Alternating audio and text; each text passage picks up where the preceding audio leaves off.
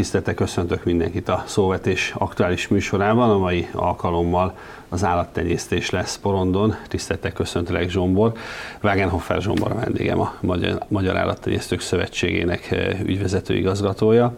Zsombor, eh, a MÁSZ egy nagyon nagy hagyományokkal rendelkező szervezet, mielőtt belemennénk a napi aktuális dolgokba, amiben azért sajnos lesz probléma is bőven, egy kicsit ö, tekintsük át, hogy mi az a MÁSZ, honnan eredeztethetjük, és ö, hogy, jutott, hogy jutottatok el arra a szervezettségi szintre, ahol most tartotok.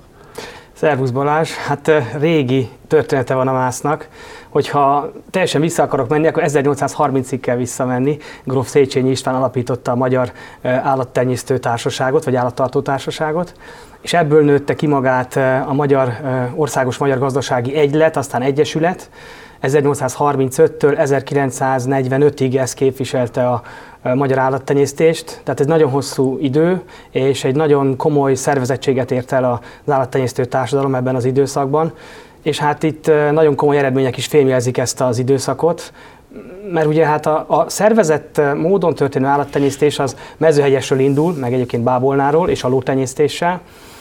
Aztán a múlt század vége fele a sertéstenyésztés, szarvasmaratenyésztés, jutenyésztés is nagyon komoly szintre jutott európai, és hát akkor világviszonylatban is a magyar tenyészállatokat számon tartották. Bocsáss meg, milyen ágazatokat ölelt fel akkor ez az együttműködés?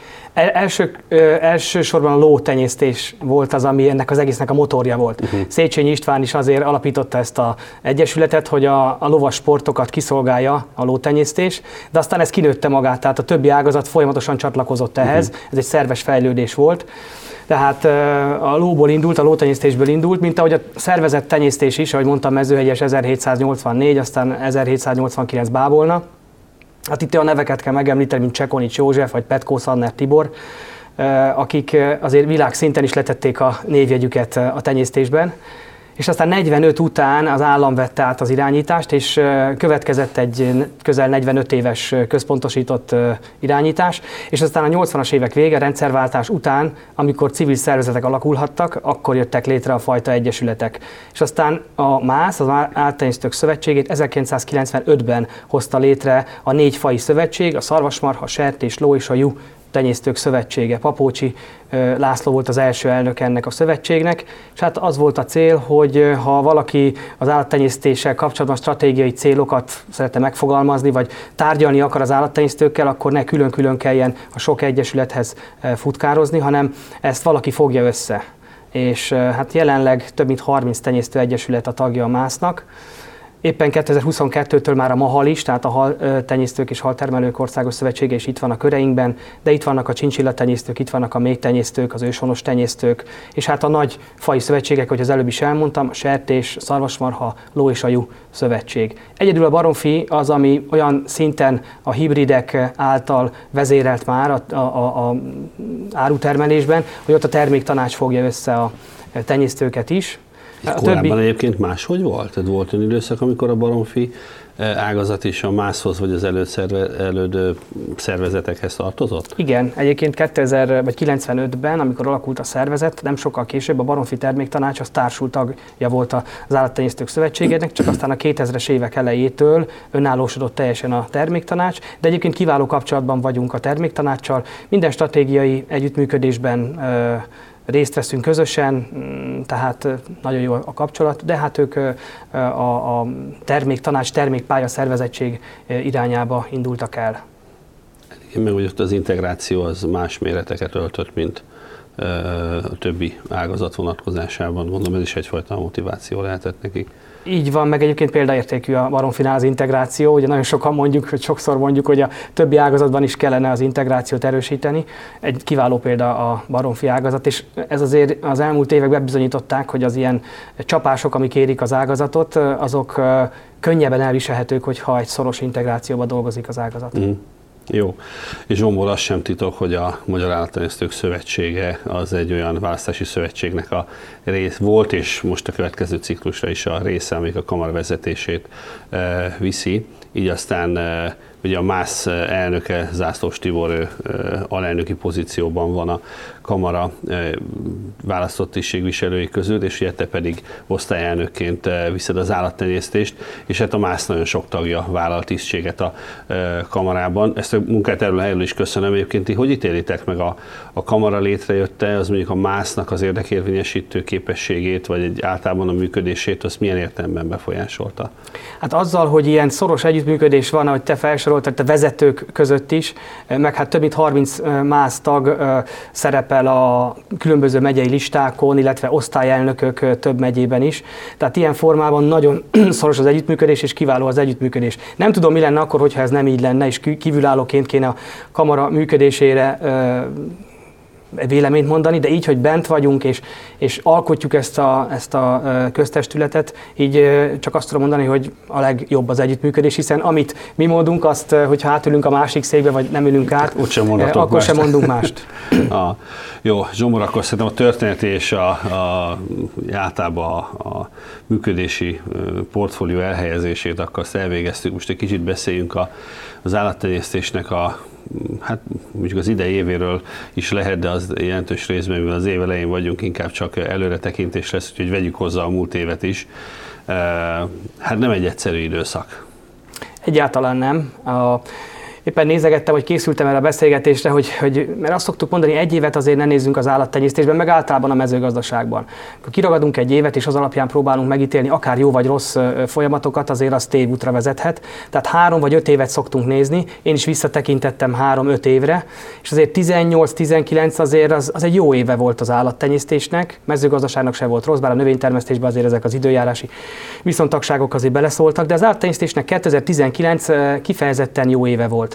És aztán jött a Covid 2020-ban, pedig hát úgy álltunk neki 2020-nak, hogy aztán még egy jobb év is lehet, mint 2019, a kínálat e, és a kereslet e, egyensúlyban, vagy nem is egyensúlyban, inkább húzta a kínálat a keresletet, vagy a kereslet a kínálatot, e, de aztán a Covid ezt nagyon hamar keresztbe törte, tehát tavasszal, ugye márciusban elindult Magyarországon is sajnos ez a, az a helyzet, hogy le kellett zárni nagyon sok mindent, aztán voltak pánik, pánikfelvásárlás, és a többi, és a többi, de aztán ez, ez hosszabb lett, mint gondoltuk. Azt gondoltuk, hogy azért néhány hónap alatt ezen túl leszünk, ez nem így lett. Minden hát, magyar... Most, még most is benne vagyunk. És most is benne vagyunk, és minden magyar állampolgár érzi ezt a bőrén.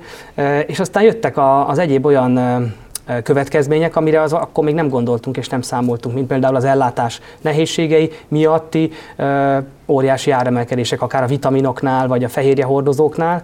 Aztán az időjárás, illetve a különböző országoknak a... Zsumor, bocsáss meg, ne arra, hogy a vágok. Itt hadd kérdezzek bele. Tehát, hogy azt mondod, hogy a különböző inputanyagok, itt most a vitamint, Igen. meg a fehérjét emeltet ki, ezeknek az ára az ellátási kockázatok miatt emelkedett. Ez a kockázat ez a mai napig megvan, az ellátási bizonytalanság? Sajnos igen. Tehát ez is hosszabb ideig tart, mint gondoltuk. Senki... Tehát emiatt magasak az inputárak? Emiatt is magasak az inputárak, és tehát nem az a fő ok, legalábbis az ismereteink szerint, hogy nem tudnak előállítani annyit, amire szükség van, hanem nem tudják odavinni, ahova éppen arra szükség van annyi idő alatt, amennyi idő alatt korábban ezt megtették. Egyrészt nagyon sokan lebetegednek, tehát nem tudják megrakni a kamiont, a konténert. Ezek az utak, az útvonalak megnehezedett, megnehezedett a szállítás, mert nagyon sokan akarnak egyszer átmenni akár egy szűkebb részen, illetve a a, a, a gyártásnál is az, hogy lebetegednek, az, hogy, hogy egyik terméket, ami alapvető, hogy a másik előálljon, például ez, a, ez a, az aminósavak esetében, és az, hogy Kínában történik ennek mondjuk az előállítás a zömmel, és Kínában van egyébként a legnagyobb aminósav gyárak ott találhatók, akkor onnantól kezdve nagyon gyorsan, néhány hét alatt beállhat az a helyzet, hogy mondjuk Kína azt mondja, hogy ő neki elsősorban az országon belüli ellátást kell biztosítani, aztán utána vigyetek majd exportra. Tehát volt egy ilyen helyzet, illetve van egy olyan helyzet a takarmányoknál, hogy pont a sertésnél ugye Kína elkezdte fölépíteni újra a sertéságazatát. Ezt úgy kezdte, hogy többek között takarmányból betárolt, és elkezdett vásárolni nagy mennyiségben. Ezek mind megborították a világpiacot. Tehát itt sokszor azt gondoljuk, hogy az a probléma, hogy nincs elég termelés. A fő probléma nem ez. A fő probléma az, hogy az ellátási láncok akadoznak. Mm, és akkor ez a mai napig kihat. És ez, ez mai napig kihat. Számoltok vele, hogyha, hogyha ez a rendszer az egyensúly fele elmozdul, akkor akár konszolidálódhatnak az árak? Vagy hát, ez már nehézkes, lefele mindig nehezebben megy. Meg hát majd, hogyha beszélünk arról, hogy a, az inputárak gyors emelkedését egy termelőjár nem tudja így követni, ez is egy érdekes tanulság, de hát mondjuk azt most így, ezt a gondolatot még egy kicsit befejezve, mármint az, hogy a termelőjárak és az inputárak emelkedése miért nincs összhangban. Erre is nagyon sokan sokféle magyarázatot adnak, de én amióta az eszemet tudom, azóta az történik, hogy a, a felvásárlási árak, a termelői árak, azok nem tudják követni ezt a tempót. Most meg olyan gyors lett a tempó, hogy pláne nem tudják követni, és hát ebből van az, hogy, hogy nagyon el van maradva a felvásárlási ár a termelői árhoz képest, de visszakanyarodva az, arra, amit mondtam, mikor lesz itt egyensúly. Hát egyrészt a világ még mindig, a népesség növekszik. Most lassan már 8 milliárdan fogunk élni ezen a Földön, 2025-re 8,2 milliárdot jósolnak, de hát ezek a jóslások sem jönnek be sokszor. Mindenesetre az biztos, hogy De egy, nem csökkenést egy, csökkenés még azért mostanában nem fog bekövetkezni. Mm. Tehát ez már eleve egy húzó hatást fejt ki.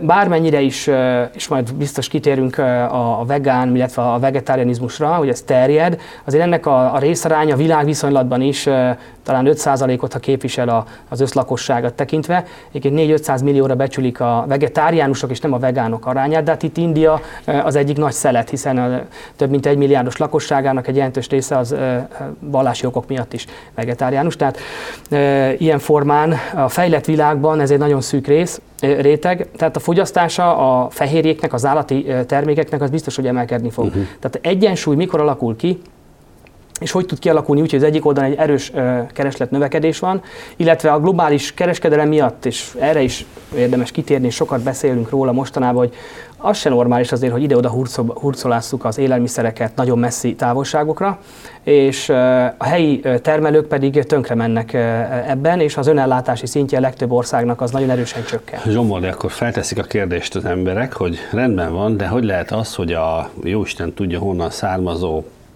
marhahús, sertéshús az olcsóbb, mint az itt helyben előállított? Ez is egy nagyon komplex kérdés, mert sokan ezt leegyszerűsítik arra, hogy hát azért, mert ők versenyképesebben állítják elő, mi meg nem vagyunk olyan ügyesek, mint ők. Azért ez nem egészen így van, tehát itt nagyon-nagyon összetett ez a kérdés, hiszen ahhoz, hogy egy termék ideérjen mondjuk a boltba, ahhoz ezt meg kell termelni, a termelési körülmények, ha nem ugyanazok, akkor már igen, lehet, hogy olcsóban állítja elő, de jön a következő kérdés a szállítás, az, hogy milyen kedvezményekkel tud bejönni, vagy nem kedvezményekkel, mert vámokkal tud csak beérkezni egy adott országba egy termék. Ez is azért befolyásolja, és a kereskedelem, ami nagyon ügyesen tudja kihasználni azt, hogy az áruk nagyon gyorsan tudnak egyik országból a másikba átkerülni, mert a globális kereskedelemet segítő folyamatok vannak világviszonylatban, és egyébként azért azt is tegyük hozzá, ez a kényelmünket is szolgálja, mert azért az egy nagyon kényelmes helyzet, hogy bármikor lemegyek a boltba, és lemelek a polcra egy olyan déli gyümölcsöt, vagy egy olyan terméket, amit korábban, akár amire korábban hónapokat kellett várni, és, és ez most ott van a, a polcon. Tehát azért az, az úgy önmagában nem igaz, hogy olcsóbban állítják elő mindenhol a, ahol, ahonnan ide érkezik és olcsóbb a termék. Mert nagyon sokszor van olyan, hogy dömping áron hozzák ide. Tehát van egy ilyen forgatókönyve a termelőknél, vagy kereskedelemben főleg, a kereskedelem szokta ezt alkalmazni, hogy inkább veszteséggel piacra dob egy terméket, vagy, vagy árulja a terméket egy adott ideig, és aztán utána majd később ezt ő neki más módon és máshol tudja kompenzálni. Tehát ez a bolti ára mennyi egy terméknek, az nincs minden esetben összhangban, sőt legtöbb esetben azzal, hogy a termelői ára mi volt. De azért az is igaz, hogy azzal, hogy is majd ebbe is biztos belemegyünk, hogy a zöld megállapodás kapcsán Európa próbálja leépíteni az állattenyésztését, és azzal, hogyha ezt kiszervezzük és más országokból fogjuk hozni ide a sertéshúst, baromfihúst, akkor a környezetterhelés és a lábnyom az nem csökken. Pont erre próbáltam felhívni a figyelmet, hogy, hogy nagyon messziről jön be a termék, az ökológiai lábnyoma ettől nem lesz kisebb. Hiába hát fogunk meg itt. Nem, meg ahogyan utaltál rá, az európaihoz képest valószínűleg csak inkább környezetterhelőbb módon lehet előállítani bármilyen terméket, most most lehet akár növényi, akár állati termékre gondolni. Ez pontosan így van, és uh, például a, a, az, és európai... az állatvédelemről akkor beszéljünk itt egy kicsit. Vagy, vagy még egy gondolat, az Európai Unió 5%-át bocsátja ki a globális széndiokszid kibocsátásnak, bocsát, metán kibocsátásnak, és 8%-át a globális széndiokszid kibocsátásnak. Ugyanakkor üvegházhatású gáz kibocsátást 55%-kal szeretnénk csökkenteni a 90-es értékhez képest. Az azt jelenti, hogy gyakorlatilag a 20-as, 2020-21-es mostani időszakhoz képest még egy 30%-ot kéne csökkentenünk és akkor azzal a világon mire megyünk? Tehát az az 5% meg a 8% részarányt még egy kicsit ugyan csökken, de elkezdjük behozni majd máshonnan ezeket a termékeket, sokkal nagyobb ökológiai lábnyommal, akkor elértük a célunkat? Nem hiszem. Nem, mert ugye nem Európa, hanem a Föld Igen. a mi bolygónk. Igen. Tehát hiába fogunk mi Európában olyan programokat végrehajtani, ami, ami egyébként, ha máshol nem foglalkoznak vele, akkor az semmi más nem eredményez, mi versenyhátrányt a, a termelőknek. Így van, és tehát nem szeretnék abba a látszatba kerülni, hogy nem vagyunk klímavédők, és nem fontos nekünk a bolygó. Hát ha valakinek, akkor egy állattenyésztőnek nagyon fontos a, a bolygó, a jövője, hiszen a, a fű, a, a, a takarmány az, amiből az állatunkat, amivel etetjük az állatainkat, tehát szerves egységben vagyunk a természettel, nekünk a természet az, az egy létkérdés, úgyhogy ez, ez, ez nem lehet kérdés. De akkor a klímavédőkre, illetve a zöldekre, amire, akire rákérdeztél, vagy hát a állatvédőkre, rákérdeztél, ez egy nagyon erős folyamat, és egyre erősebb támadások érik az állattartókat. És most már először én is úgy voltam vele 15-20 évvel ezelőtt, amikor konferenciákon hallottam azt, hogy hát a tehenek böfögnek, és akkor metánt bocsátanak ki, hát ez mennyire terhelő, hát ezen mosolyogtam, hogy gyerekek, hát van egy biogén szén körforgás, azért ez annak része. Ráadásul a metán az egy 10-12 év alatt elbomlik, szénre, oxigénre, és mm, nem terheli különösebben a környezetet. De aztán... Hittette. Hittem én, és jó, azt is azért el kell ismerni, hogy azzal, hogy egy intenzív állattenyésztés folyik a világban egyre inkább, mert hát erre is kikényszeríti rá a gazdát. Tehát nem a gazda magától kezdi el istálozni az állatát, csak úgy azért, mert ő neki ez így jobb, hanem azért jobb neki, mert akkor így tud jövedelmező lenni, és így tudja föntartani a családját, meg hát a, aztán a szélesebb meg társadalmat. növekszik akkor. Tehát itt egy intenzifikáció felé toljuk azzal, hogy globalizáljuk a világot, a, a termelést. Utána támadjuk az intenzív állattartást, hogy az környezetterhelő. Biztos, hogy ha több ezer állatot tartunk egy nagyon kis területen, akkor az, annak a környezet terhelése az jelentős. Ez kétségtelen. De hogyha ezt kivetítjük az egész bolygóra és az egész világra, meg megnézzük a hatásfokát, meg a hatékonyságát, akkor azt látjuk, hogy 50 évvel ezelőtt, 20 évvel ezelőtt jóval terhelőbb volt a állattartás, mint amit most tudunk bemutatni, és hogyha ezeket a, az új technológiákat majd alkalmazzuk, meg elkezdjük már alkalmazni, akár a genomikát, akár a precíziós állattenyésztést, akkor ez jelentősen csökkenthető. Tehát azért ne az legyen a végkövetkeztetés, hogy azért, mert ezek a nagy koncentrált állattartó telepek létrejöttek, akkor az egész világon hagyjuk abba a húsfogyasztást, és szüntessük meg az állattenyésztést. Ez nagyon drasztikus megoldás lenne.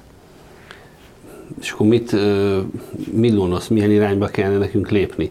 Én azt látom, hogy az állatvédőknek egy jelentős része egyébként a jó szándékot nem vitatom el, tehát jó szándékú, de a dolgok mélységét nem ismerő emberekből áll Mondok vannak... egy példát, tehát hogy van, van néhány ilyen a tarsolyomban, tehát kiszabadították a, a szarvasmarhákat a gazdák fogságából, és beengedték őket az erdőbe, ez azt hiszem egy német példa, ahol egyébként egy része elpusztult a országoknak, hát ők nem, nem feltétlenül arra vannak kitalálva, hogy, hogy ilyen körülmények között létezzenek.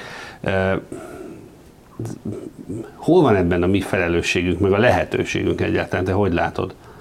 Ugye általában a szélsőséges nézeteket azt én nagyon nem szeretem, sem a szakmában, amikor valaki nagyon szélsőségesen próbálja megközelíteni azt, hogy hogyan kell állati terméket előállítani, és akkor elmennek egy nagyon szélsőséges irányba, akár az iparszerű állattartást tekintve. Sem azt nem szeretem, amikor egy szélsőséges nézet kezd uralkodni, vagy legalábbis azt látjuk, és ez is egy elgondolkodtató dolog, hogy az Európai Unióban egy nagyon szűk kör, és nagyon hangos és jó kommunikáló réteg próbálja elfogadtatni az egész társadalommal azt a gondolatot, amit ők, vagy azt a célt, amit ők jónak tartanak. Azért, mert van Európában egy 4-5 százaléknyi olyan ember, akik nem szeretnének állati terméket fogyasztani, és úgy gondolják, hogy az állatokat az áttartók kínozzák, az áttenyésztők kínozzák. Egyébként tudományosan ez nincs megalapozva, tehát nem tudják alátámasztani, csak ők úgy gondolják, meg a hitük az ezt diktálja. Ebből kifolyólag olyan óriási gazdasági hatást akarnak kifejteni, és aztán olyan károkat okoznának, ami egyébként visszafordíthatatlan. Mert azért például, hogyha egy állattartó telepet megszüntetünk, főleg mondjuk a nehéziparát, a, a szarvasmarha, mondjuk egy tejtermelő természetet, azt újraindítani nem nagyon szokták. Tehát nagyon könnyű eladni az állatokat, nagyon könnyű leépíteni ezt az ágazatot, de ezt újra fölépíteni az iszonyú nehéz, vagy talán lehetetlen. Hát Magyarországon is azt látjuk, hogy az állomány az nem csökken, az állatállomány egészen az nem csökken, de az állattartó gazdaságok száma viszont csökken. Tehát egyre kevesebben tartunk ugyanakkor a összegű nagy állategységű jószágot, ez nyilván azt jelenti, hogy egy gazdánál egyre több jószág van. De bocsánat, az előbb elfelejtettem megkérdezni, de ezt egyszer tőlem kérdezte valaki, és kíváncsi vagyok, hogy te mit válaszolsz rá.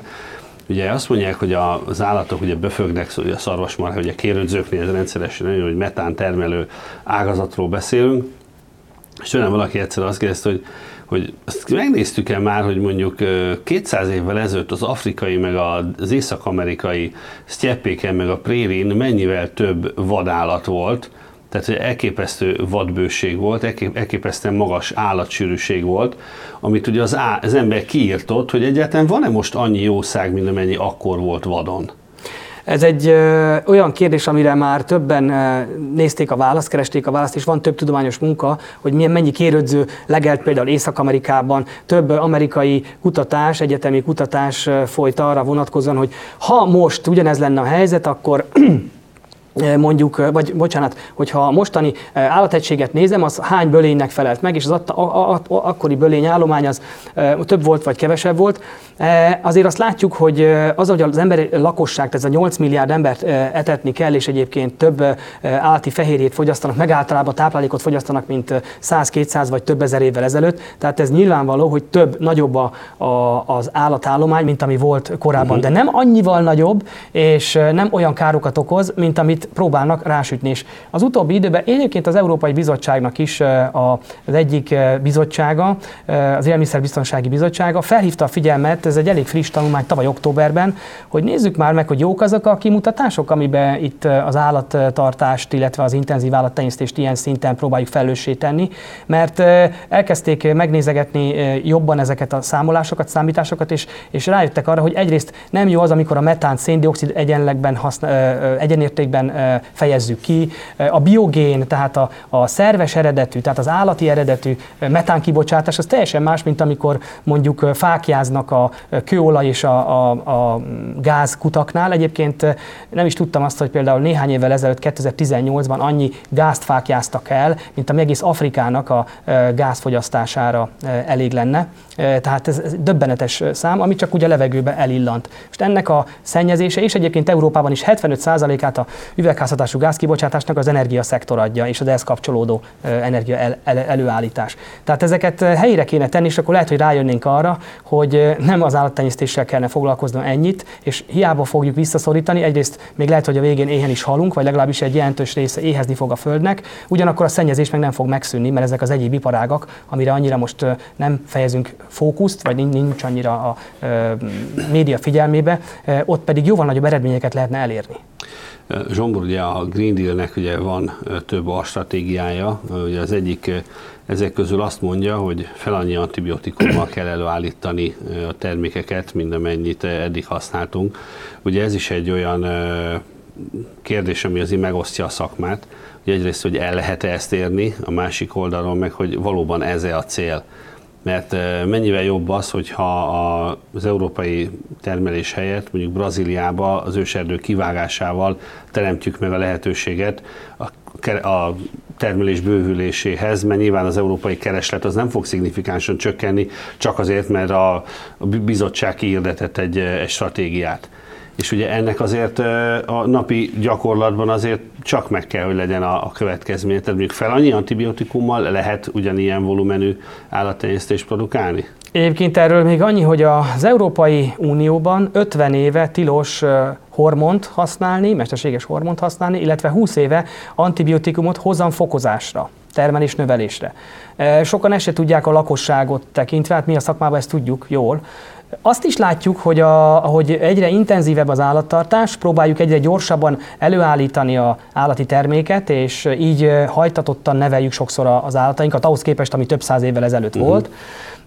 Itt ez, mint a Forma 1-es motor, sokkal uh, sérülékenyebbek is ezek az állati szervezetek, és uh-huh. ezeket azért, hogyha betegek, akkor kezelni kell. Tehát ezek a kezelések, és hogyha ezek antibiotikumos kezelések, ezeket nem nagyon lehetne elhagyni. De ha ezt szakszerűen alkalmazzuk, akkor nem következhet be egy nagyon komoly terhelés. A baj ott szokott előfordulni, hogyha szakszerűtlenül, mint a humán vonatkozásban is, nem hajtjuk végre azt az utasítást, amit az orvosok vagy amit a, a gyógyszergyárak előírnak, hogy meddig szedjük, mit szedjünk és uh-huh. hogyan szedjük. Ha ezt össze-vissza szakmaiatlanul kezdjük el alkalmazni, akkor sokkal nagyobb lesz a felhasználás, az eredmény meg nem lesz az. Tehát itt is, hogyha ez szakmaibb lesz, és egyébként ezt szolgálja az új jogszabály, a Magyarországon is januártól életbe lépett jogszabály, nagyon szigorúan kell nyilvántartani azt, hogy ki, mit és hol használ föl antibiotikumból. Én szerintem ezzel nagyon komoly előrelépés lesz. De az, hogy csak mm, abban hiszünk, hogy ha csökkentjük, akkor javul a helyzet, ez így nem igaz. Szerinted mi motiválja ezeket a stratégiákat? amikor megalkotják, megalkotják őket. Ugye minden szervezet, szinte minden szervezet komoly kritikát fogalmazott meg, hogy nincs egy komplex hatástanulmány a Green Deal különböző részeit illetően, hogy az mivel jár majd az európai mezőgazdaságra nézve.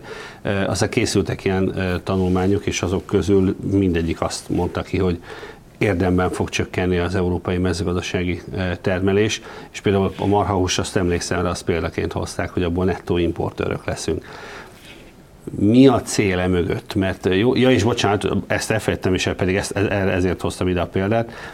Mind a négy tanulmány, ami készült, komoly egyetemek és kutatóintézetekről beszélünk, gondolom ismered ezeket. Igen, a, Kili Egyetem. Így van, Kili, Wageningen Egyetem, így van. Mindegyik azt mondta, hogy az ökológiai következménye effektíve nullszaldós ennek az egész javaslatcsomagnak. Miért csinálják akkor mindezt?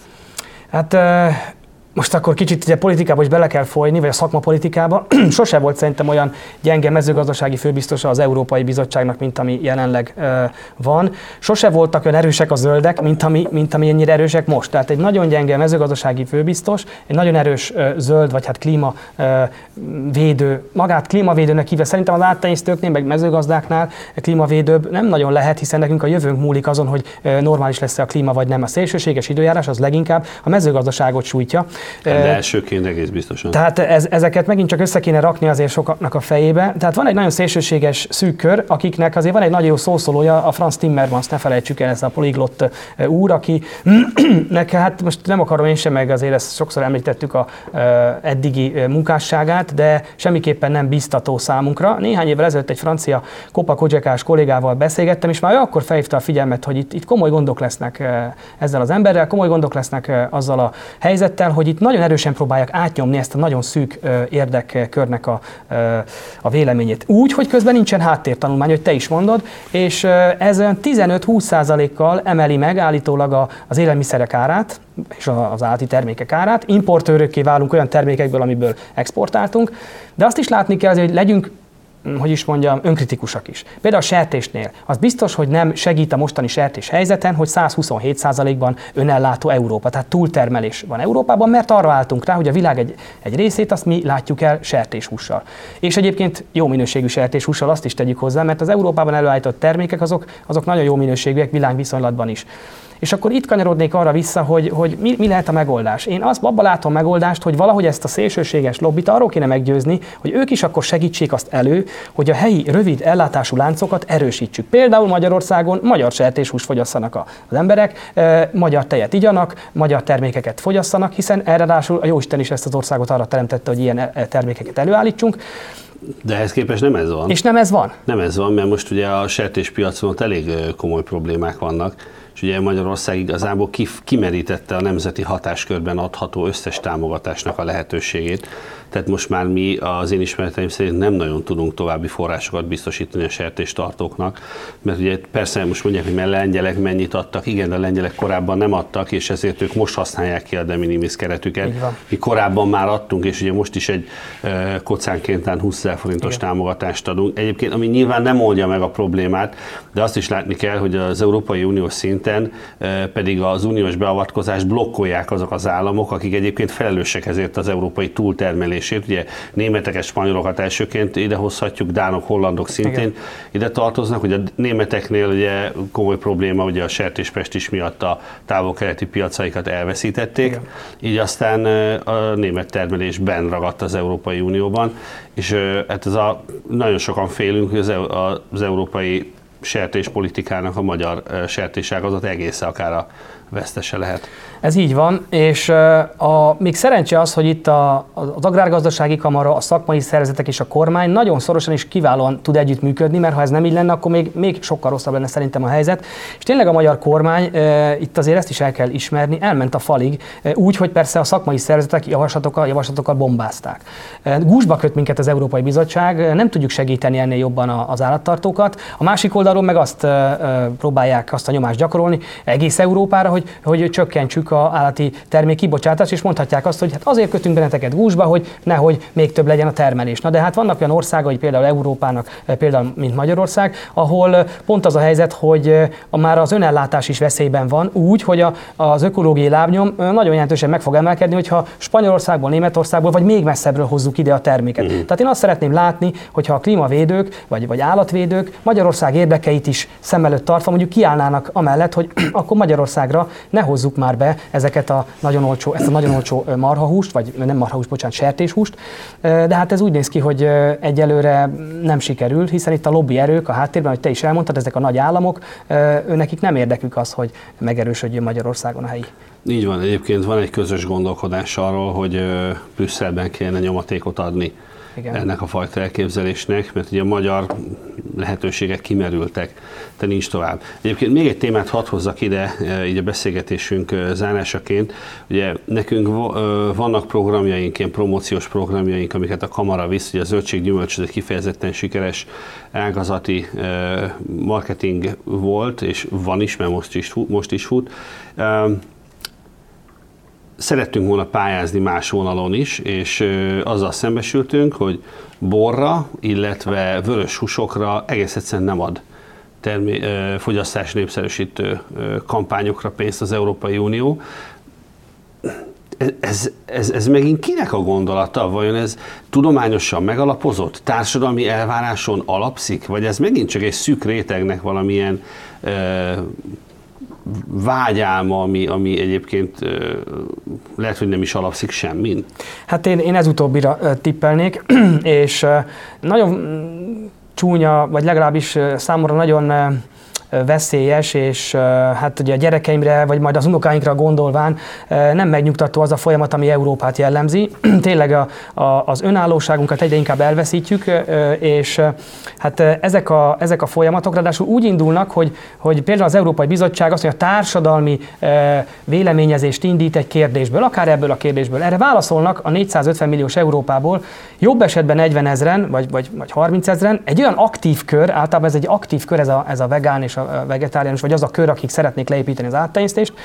És utána az Európai Bizottság kiteszi az asztalra, hogy na tessék, ez Európa véleménye, Európa polgárai azt szeretnék, hogy, hogy ezt az ágazatot szorítsuk vissza. És elkezdik a döntéshozatalt erre fölépíteni. Ahelyett, hogy, ahogy te is mondod, szakmailag közelítenik, meg háttértanulmányokat készítenek, és megtalgatnák az országokat. Tehát innen fúj a szél, ez egész egy torz rendszer. És Tehát nem reprezentatív. Egyáltalán nem reprezentatív. Nem. Igen. vonnak le következtetéseket. Igen. Igen.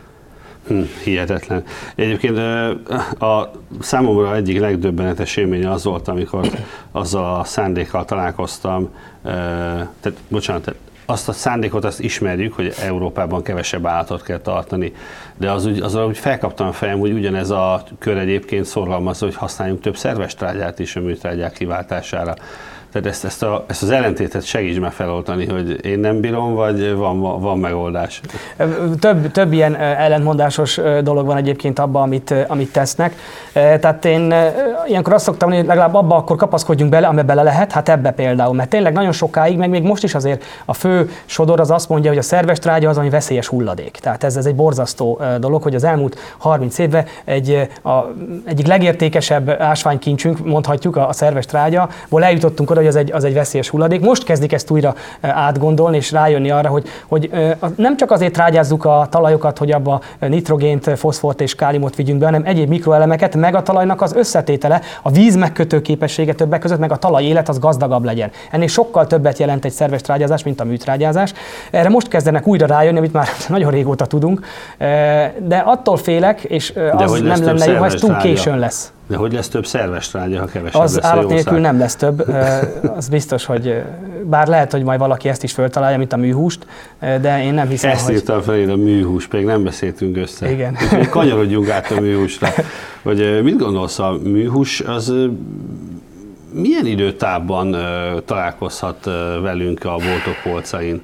Két, két csoportja van ennek a műhúsnak, az egyik a növény alapú húsok, a másik pedig a állati sejt felszaporításával létrehozott szövetek.